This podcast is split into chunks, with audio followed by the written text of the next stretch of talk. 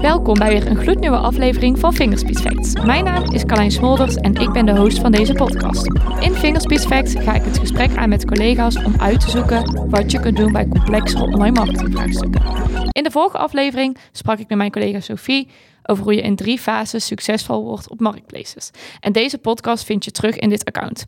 En vandaag ben ik in studio met Jaap Jacobs, managing director bij Fingerspeed en auteur van het boek Stoïcijns groeien zonder leadgeneratie.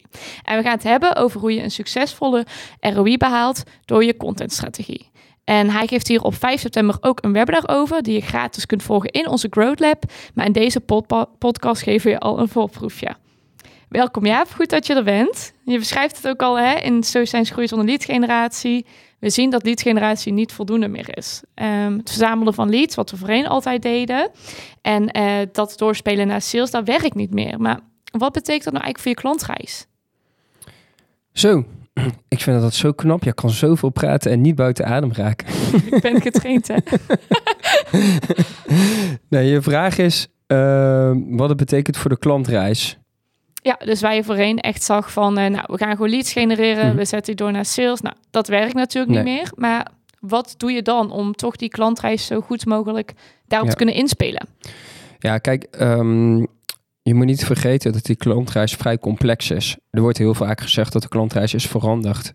Uh, hij is ook wel veranderd, alleen je moet jezelf afvragen of uh, die klantreis altijd niet heel erg complex is geweest. Ook zeker bij de B2B-klantreis duurt het gewoon soms anderhalf jaar voordat uiteindelijk iemand in een sale converteert. Betekent ook dat er niet echt een hele recht toe, recht aan, een platte aanpak, dat die gaat werken.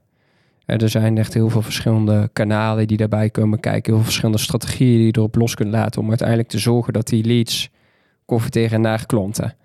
Um, dat vergt een aanpak die misschien ook wel meer zich zal moeten richten op het creëren van behoeften.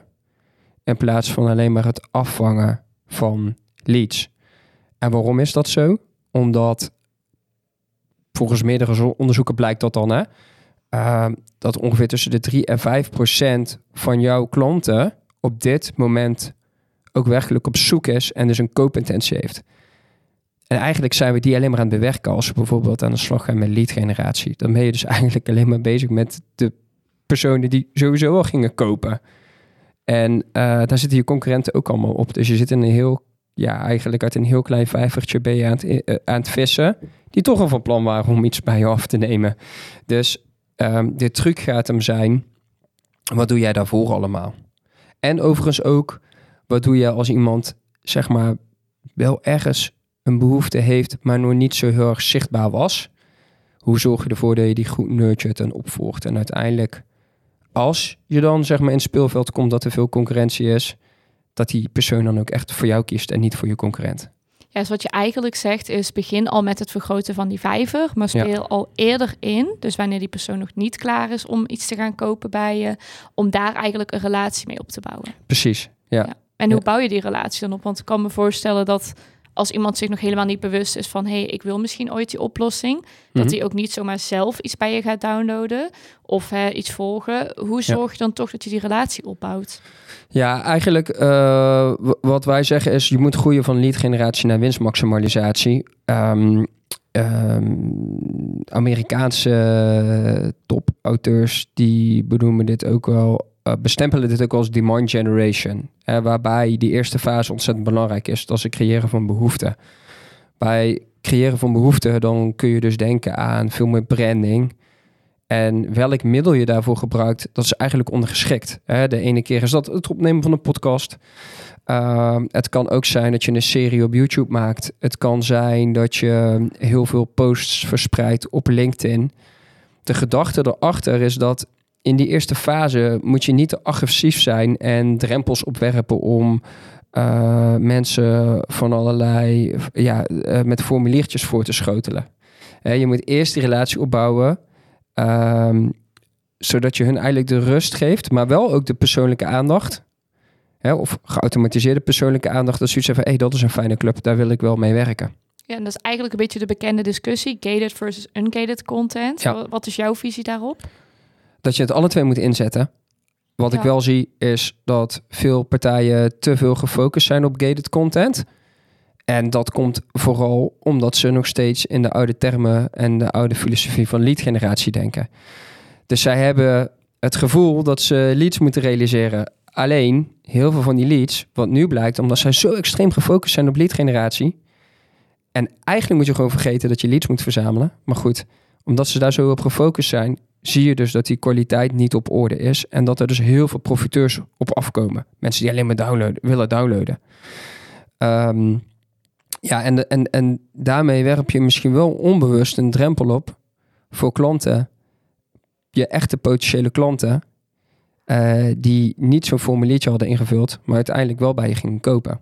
Ja, en waar trek je dan die grens? Dus waar maak je dan het onderscheid van, oké, dit maak ik toch gated en wat maak je ungated? Is dat een bepaalde fase? Is dat bepaalde type content? Ja, wat... ehm, eh, dit is altijd een beetje maatwerk, heel eerlijk. En hier moet je ook mee experimenteren. Maar wat ik vooral eh, bekijk is... is die content die je biedt... heeft die extreem veel waarde, maar echt, echt extreem veel, Carlijn. Dan kun je de, nadenken van oké, hier mag je best wel hè, een, een gegevens voor terugvragen. Eh, contactgegevens, zodat je het kan opvolgen. En want dat is ook belangrijk, want ja, hè, je hebt heel veel verschillende, heel veel contactmomenten nodig om uiteindelijk te- voordat ze converteren. Ehm, maar wat nog veel belangrijker is als je het hebt over gated content en ungated content, je moet eigenlijk gaan kijken wat doe je binnen die strategie en met welk doel. Is dat dus om behoefte te creëren of is dat om de vraag af te vangen? En als jij bepaalde dingen doet om behoefte te creëren, dan zou ik nou, zeg in 95% van de gevallen dus niet met formuliertjes werken. Gaat het erom dat jij die vraag wil afvangen? En vraag afvangen betekent eigenlijk dat je op zoek bent naar een trigger die eigenlijk onthult van hey, eh, vanuit je prospect, die onthult van nou, ik heb misschien wel een koopintentie. Bij die campagnes, ja, daar mag je wel een formulier toepassen. Ja. Dus dat zit eigenlijk later in de klantreis. Ja. Dan pas ga je werken met formulieren. En wat je ziet, en die fout hebben wij in het verleden ook heel veel gemaakt, is dat je veel te snel geneigd bent om zo'n formulier voor iemands neus voor te schotelen. Ja, en dan denk je misschien zelf ook heel snel van, oh, die persoon laat zijn gegevens na, die heeft meteen een hele hoge interesse, wat dus niet altijd hoeft Nee. te zijn. Maar dat lijkt me ook het lastige hierin, hè, van wanneer weet je nu ehm, dat er een bepaalde behoefte is, of wat, wat is die behoefte dan? Ehm, heb je daar nog bepaalde tips voor? Ehm,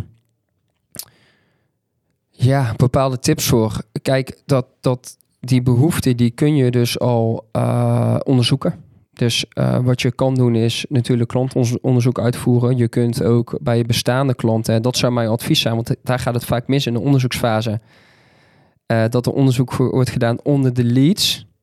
Maar onder de leads betekent dus dat je onderzoek aan het doen bent onder je profiteurs. Ja, De mensen dus- 97 procent. Ja, 97% is eigenlijk dus gewoon onzin waar je dan naar zit te kijken in je, in je rapportage of in je onderzoek. Eh, dus doe dat wel echt op de echte, echte klanten die uiteindelijk ook, eh, waar je ook een, een, een, een economische relatie mee hebt opgebouwd. En dan wordt het wel heel erg interessant om te kijken wat de behoefte is onder je klanten. Eh, en andersom moet je natuurlijk gewoon puur kijken van oké, wat voor product heb ik en wat voor behoeftes eh, los ik, vervul ik daarmee. Ehm, en daar maak je natuurlijk content over. Dus dan kun je ook natuurlijk al vrij snel de relatie trekken. Oké, als iemand dit downloadt, dan zal hij de- daar wel interesse in hebben. Ehm, maar dat is wel iets om heel goed over na te denken. Want wat je ook vaak ziet, is dat heel vaak van die content pieces, dat je daar dan weer niet als marketeer uit af kan leiden van wat die echte behoefte is. Omdat ze vaak veel te generiek zijn ingestoken. Ja. Dus stel je voor, wij maken een content piece over online marketing trends. Ja, dan zegt dat natuurlijk echt helemaal, helemaal niks. Dus ehm, dat is een hele, hele goede, sterke content piece die we altijd maken. Maar dat is gericht op behoeftecreatie. En niet zozeer een voorspeller van het afvangen van intentie. Nee, dat pa- gebeurt pas echt later in de funnel Ja, natuurlijk. Ook en daar maak je dus andere content pieces Ja. voor. Ja, ja, dus echt net wat je net ook al even aangaf van hogere intentie mogelijk ook. Ehm, En denk ook heel belangrijk daarom in natuurlijk ook die dark funnel uit te vragen. Waarop zijn uiteindelijk jouw huidige klanten op binnengekomen? Wat vonden zij interessant? Wat triggerde hun nou zo? Ja. Dat ze dachten, hé, hey, hier moeten we wat mee. Ja, absoluut. Eh, hoe, hoe, ja, hoe ben ik bij je terechtgekomen? En ehm, ehm, die is heel belangrijk. Want als je kijkt naar het creëren van behoeften, eh, dat, dat is lastig te meten anders. Ja. ja. Want een podcast opnemen zoals deze, ja, ehm, waarschijnlijk hebben wij niet superveel luisteraars. Maar de mensen die aan het luisteren zijn, het kan best zijn dat daar een potentiële klant tussen zit. Ja. Sterker nog, wij zien dat natuurlijk. Dat we uh, met onze YouTube-video's, de, de podcast, de content die we maken, dat we daar ja, bekend ontstaan. Mm -hmm. En dat dat ook een, een, een um, dat het vaak ook wordt opgegeven waarom prospects met ons willen werken. Als je puur gaat kijken naar de aantallen, dan liggen die veel lager dan een Google Ads campagne. Ja, je denkt dan misschien van, oh, je kunt dat moeilijk meten, dus dat zal daar niet op zijn binnengekomen. Ja. Maar als je dan uitvraagt, dan kom je er toch achter Precies. van, oh, het is dus wel iets Dat je er dus mee door Ja. moet gaan. Want anders zeg je van, oké, we stoppen hiermee, want het kost veel te veel tijd en geld. Ze stoppen alles in Google Ads. Maar als je puur gaat kijken waar je echte klanten vandaan komen, ja, dan mis je dus iets. Want bij Google Ads zit je misschien veel meer alleen maar op het afvangen van die leads en dus op die 3%. Ja, op het einde van de funnel. Op het einde meer. Ja. Ja. Oké, en ik kan me voorstellen, je gaf net aan van je wilt natuurlijk die behoefte creëren. ehm, dat heel veel partijen dat al doen en dat je verschillende content eh, bij verschillende partijen kunt eh, vinden. Hoe zorg je dan eigenlijk toch voor dat jij juist die persoon weet te overtuigen en echt weet te verleiden van hey, je moet echt bij Fingerspeed zijn voor die content? Ehm, prospects zul je als koningen moeten behandelen om ze te overtuigen klant te worden. Dat betekent dus dat je met hoffelijkheid content moet creëren. En dat is content die aanspreekt, overtuigt en verleidt. Hoe ik dat voor me zie, of eigenlijk wil je zelf moeten afvragen: oké, maar wa- wat doet een koning dan? Hè, en een koning eh, die moet eh, een, een land besturen. En die krijgt heel veel uitdagingen. Dus die heeft vaak ook een topadviseur. Die topadviseur moet die koning helpen. En wat is dan die koning, of die adviseur, die dus die prospects tot koningen gaat bombarderen? Wat bezit hij voor eigenschappen? Nou, en die eigenschappen, naar mijn ideeën, ehm, dat betekent dat iemand heel integer moet zijn dus betrouwbaar overkomen heeft. Dat hij nuttig is. Dat hij dus zijn wijsheden deelt. En dat hij eh, heel behulpzaam is ook. Hè? En, en effectief communiceert. En dat zijn de drie eigenschappen die ehm, ja, je eigenlijk parallel kunt trekken met een contentstrategie. Je hebt een betrouwbaar overkomen nodig. Dus je bent eh, ja, veilig. Het klopt wat iemand zegt. Daar heb je vertrouwen in. Heel belangrijk onder prospects. Hè. Eerst vertrouwen winnen voordat je überhaupt een stap verder komt. Relevante informatie. Je deelt je kennis en je wijsheid. En je ja, communiceert effectief. Ehm, dat, dat is wat er nodig is in een contentstrategie. Ja. En dat, daar ga ik natuurlijk veel meer over vertellen tijdens het webinar. Ja, content is dus echt koning. Nou, ik hoop dat dit in ieder geval ook al voldoende heeft getriggerd bij de luisteraars om dus het webinar te volgen op 5 september. Mocht je 5 september niet in de gelegenheid zijn, kijk het dan naar de rand terug, want het is zeker heel waardevol. Jaap, ik wil jou voor nu bedanken voor jouw input. Ehm, ik hoop in ieder geval dat de luisteraars er snel bij zijn. En ik wil jullie allemaal bedanken voor het luisteren naar deze podcast. En wil je nu nog meer van dit soort content lezen, zien en horen, meld je dan aan voor onze Growth Lab community via growthlab.nl. En daarmee krijg je onbeperkt toegang tot al onze downloads, podcasts en nog veel meer. En dus ook tot het eh, webinar op 5 september. Hopelijk tot dan.